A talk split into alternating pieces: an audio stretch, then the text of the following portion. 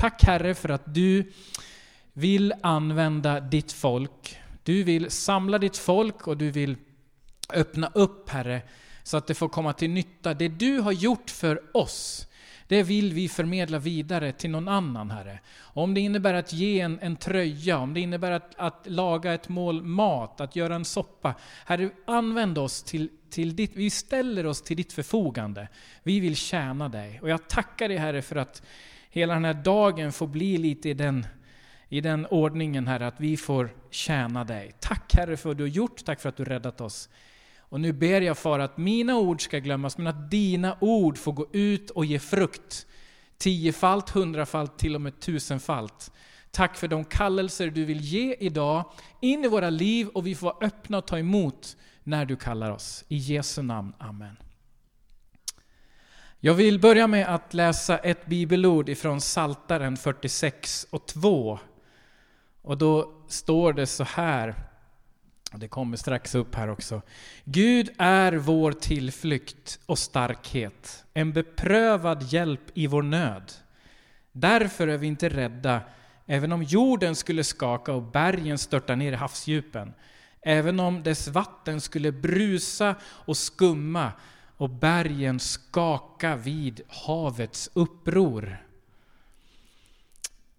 Vi har ju en lärjungaskola igång och vi har kommit fram till punkten som handlar om församlingen den här veckan. Så vi har haft undervisning här i tisdags kväll, det är ju 23 stycken som går den här lärjungaskolan. Vi har berättat om hur kyrkan liksom är ett led i Guds räddningsplan för den här planeten. Att det Gud har tänkt samla och rädda, där är församlingen en otroligt viktig del och hur han vill använda dig och mig. Och, och jag tänkte så här att, tänk att, att undra om församlingen kan liknas vid en räddningsbåt. Har jag gått och tänkt. Och jag vet att jag inte är ensam om att tänka på det sättet, utan jag, jag vet att den som ledde projektet med det här husets tillblivelse, eh, Sven Ribba, han sa många gånger Nej men vi måste tänka till. Hur kan kyrkan vara en båt. En båt som har ett uppdrag, en räddningsbåt. Och så var jag in lite grann på Svenska Sjöräddningssällskapet. Det här är ju en, en, frivillig förening som startades 1907 i vårt land. Och de har faktiskt 74 räddningsstationer på olika ställen i Sverige, längs våra kuster och även i de större sjöarna. Och där har de eh, mer än 150 båtar som de hela tiden är beredda att åka ut för att göra räddningsinsatser. Och när man går in på hemsidan så börjar man med det står Hjälp oss rädda liv. Så uppdraget som de har själv tagit på sig är urtydligt. De har liksom satsat och satsar pengar på att ha bra utrustning, bra material, bra kurser och utbildningar så man vet hur man ska göra när man närmar sig någon som är i sjönöd. Och syftet är hela tiden att rädda liv. Punkt. Tydligt, och enkelt och klart. Men kan man jämföra församlingen med, med någonting sånt? Kan man, kan man göra det? Kan man jämföra vår kyrka, vår församling, de som är troende med att vara en räddningsbåt? Jag funderade lite grann på det där. Och då måste man först ställa något fråga. Vad är det, vad, vad ska man, vem ska räddas? Vad, vad, är det, vad är det för någonting som ska... Vad ska den där båten ut och vem ska den möta? Och vem är det den ska liksom rädda? Och Bibeln är ju en otroligt spännande bok. En gammal bok, spännande, den har flera tusen år på nacken. Människor, många olika människor har varit med och skrivit i den här boken. Jag är övertygad om, det står själv i boken, att var och en var inspirerad av Guds ande under de här många, många åren. Och det finns liksom en, en samklang mellan böckerna som, som gör att, att man kan lita på den. Och, och, för mig så är det helt, jag är helt övertygad om att det här är Guds, det, det som beskrivs är Guds räddningsplan för mänskligheten. Och i Bibeln så beskrivs faktiskt människor som hav. Jag vet inte om du visste det. Men i Daniels bok så finns det en känd vers där det står så här. Åt honom gavs makt, ära och rike. Människor från alla folk, nationer och språk tillbad honom. Hans välde är evigt och ska aldrig ta slut. Och hans rike ska aldrig gå under. Det här är ju en sån här framåtsyftande vers som liksom pratar om någonting längre fram. Någonting ska hända, någon ska ges makt, ära och rike. Och människor från alla folk, nationer och språk ska tillbe honom. Hans väldiga välde är evigt och ska aldrig ta slut. Alltså, vi som är lite vana bibelläsare, vi anar att det här handlar om Messias. Det skrevs för länge sedan, innan Jesus kom, men det handlar om Jesus Kristus, alltså Messias. Och då kan man se att där det står människor från alla folk och nationer och språk, där på hebreiska så står det egentligen från hav till hav. Och så kan du tänka, okej, okay, det var intressant. Vad, vad, kan hav, kan vatten och, och hav betyda människor i Bibeln? Och då kan du se i Uppenbarelseboken 17 och 15, där står det Sen sa han till mig, vattnen som du såg, där den prostituerade bor, är länder och människomassor och folk och språk. Så plötsligt så, så kan vi ana att okej, okay, det verkar kanske stämma det han står och pratar om där framme. Att när Bibeln beskriver vattendrag och stora vatten så pratar han om, om människor och människosläkten och grupper och folkgrupper. Men hur går det med haven? Hur, hur, hur går det med det här? Är det liksom, beskriver Bibeln det? Jo, och vi som är vana, vi vet att det kommer en fullständig och fullkomlig rättvisa. Jag tänker så här att mänsklighetens oförmåga att ta ansvar, den tänker jag är grunden för hela mänsklighetens blodiga historia. All svält och sjukdomar och allt vad som finns. Och det är helt hopplöst att läsa historien och även titta ut i nutiden och se att det verkar som egenkärleken, egot hela tiden styr hur vi försöker utforma det här. Det verkar som vi har så hopplöst svårt att ta ansvar och vara ärliga med vårt eget liv och respektera andras. Utan det är hela tiden ett bygge runt oss själva, vår lilla klick, vår lilla familj, vårt lilla land eller vad det är. Och så, så bara kastar man skräp på alla andra. Och det här gäller det här egoismen, spår, spåren av egoism, som Bibeln är tvärsäker på vad det handlar om. Bibeln kallar det synd. Bibeln pekar på en, en miss av människan i förhållande till Gud. När vi, tittar, när vi inte tittar på Gud, utan vi tittar på oss själva och ska bygga något i oss själva och för oss själva och inte håller blicken på Jesus Kristus, så blir det synd. Det blir ett brott i förhållande till Gud. Och spår av det kan jag se överallt. Jag kan se det hos Putin, absolut. Men jag kan också se det hos mig själv. Jag kan se spår där jag, när jag inte ser på Jesus Kristus och Gud som den högste och den störste, så kan jag se hur min blick flackar och det blir annat i centrum. Och jag inte blir fokuserad på, på att ge av kärlek till andra. Men vet du vad Jesus säger? Han säger, jag har kommit för att ni ska ha liv, och liv i överflöd. För den här egoismen som jag pratar om, den leder inte till något annat än död. Men Jesus kommer liv, och liv i överflöd. Och så säger han, så älskade Gud världen att han gav den sin enda son, för att de som tror på honom inte ska gå förlorade utan ha evigt liv. Det var inte för att döma världen som Gud sände sin son, utan för att världen skulle räddas genom honom. Återigen kommer, kommer Jesus själv in på en räddningsplan, en del i räddningsplanen. Människan går bort ifrån Gud, håller annat i centrum, sig själv, sina tankar, sina idéer, och det föder död. Men Jesus har kommit för att vi ska ha liv och liv i överflöd. Och då tänker jag på Petrus.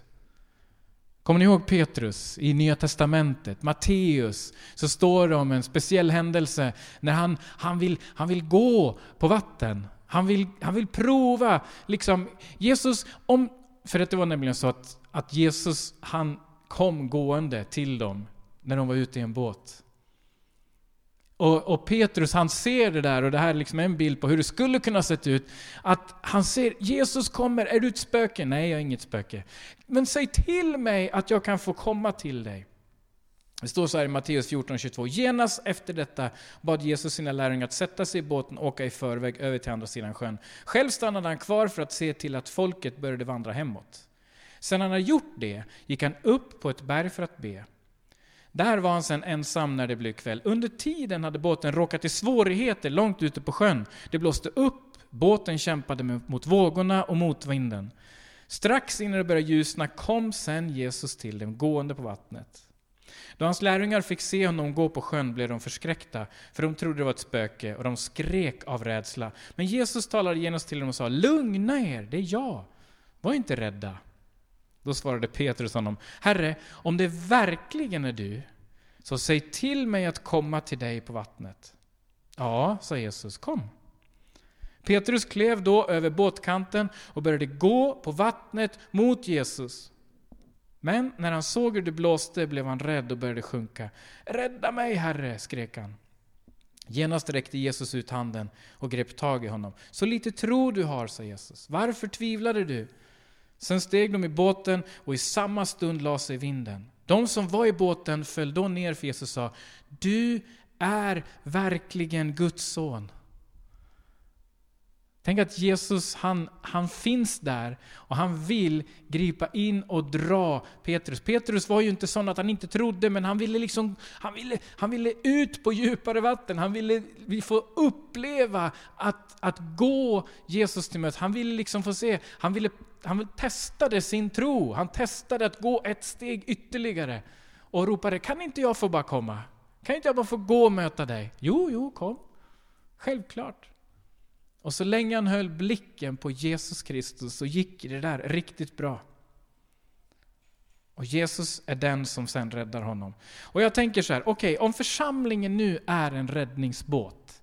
Vi är en förlängning av Jesus Kristus. Det är församlingen. Det är, det är Jesus Kristus manifesterad på jorden. Du och jag tillsammans är Jesus Kristi kropp i Gävle. En del av det. Någon är ett öra, någon är ett, ett litet finger en, en fingerborgsnagel eller på vad det heter. Men, och, och någon, vi har olika funktioner.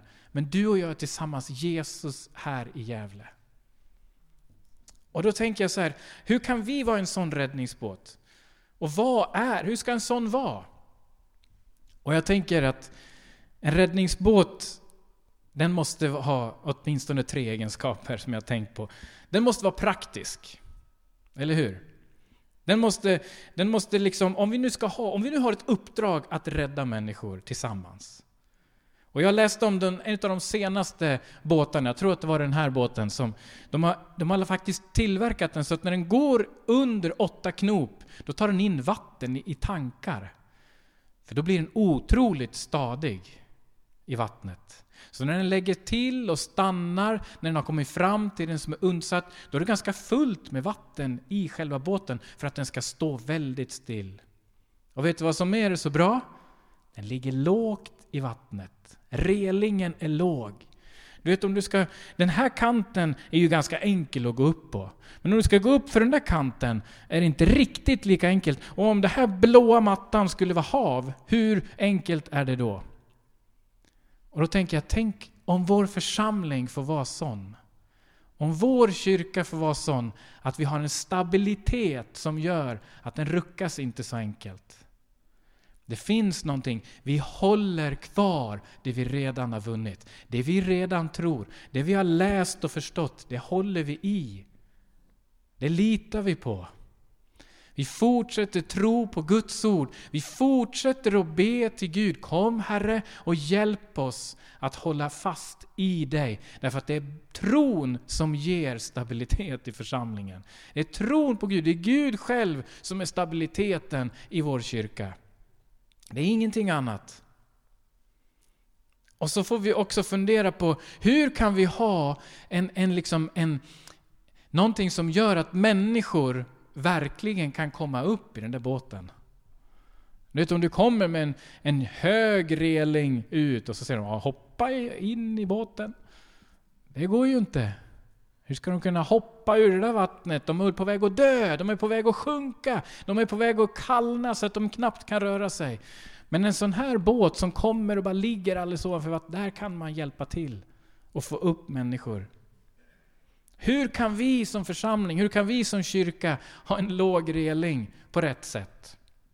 Utan att stabiliteten försvinner. Utan att tron är tydlig. Utan att det finns liksom någonting, en kärna som är tydlig. Jag är så tacksam över människor som kommer och berättar att de trivs, att de känner en öppenhet, att de känner att de får komma som de är. Jag är så tacksam för alla som kommer från tolvstegshåll och andra håll och känner, ja men jag, jag känner att jag kan vara här, jag, jag trivs. Sen är vi sådana att vi måste möta människor precis där de är. Och deras resa måste vi respektera.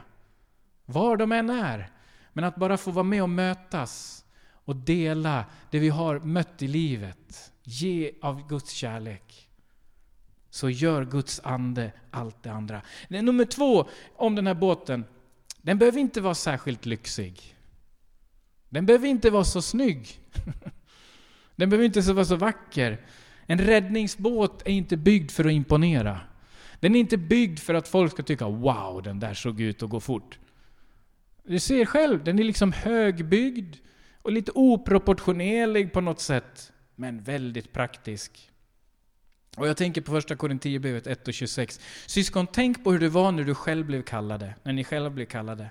Det var inte många av er som mänskligt sett räknades som visa. Inte många som hade inflytande eller kom från en fin familj. Nej, Gud valde ut det som är dåraktigt i världens ögon för att de visa skulle få skämmas och Gud valde ut det som är svagt i världens ögon för att de starka skulle få skämmas. Det som har låg status och som världen ser ner på, det som inte är något, det utvalde Gud för att göra om intet det som anses vara något, för att ingen ska kunna skryta inför Gud. Vet du, liksom församlingen, kyrkan, det är inte ett, ett utsnitt, ett, ett genomsnitt av de snyggaste, vackraste, proffsigaste människorna i vår stad.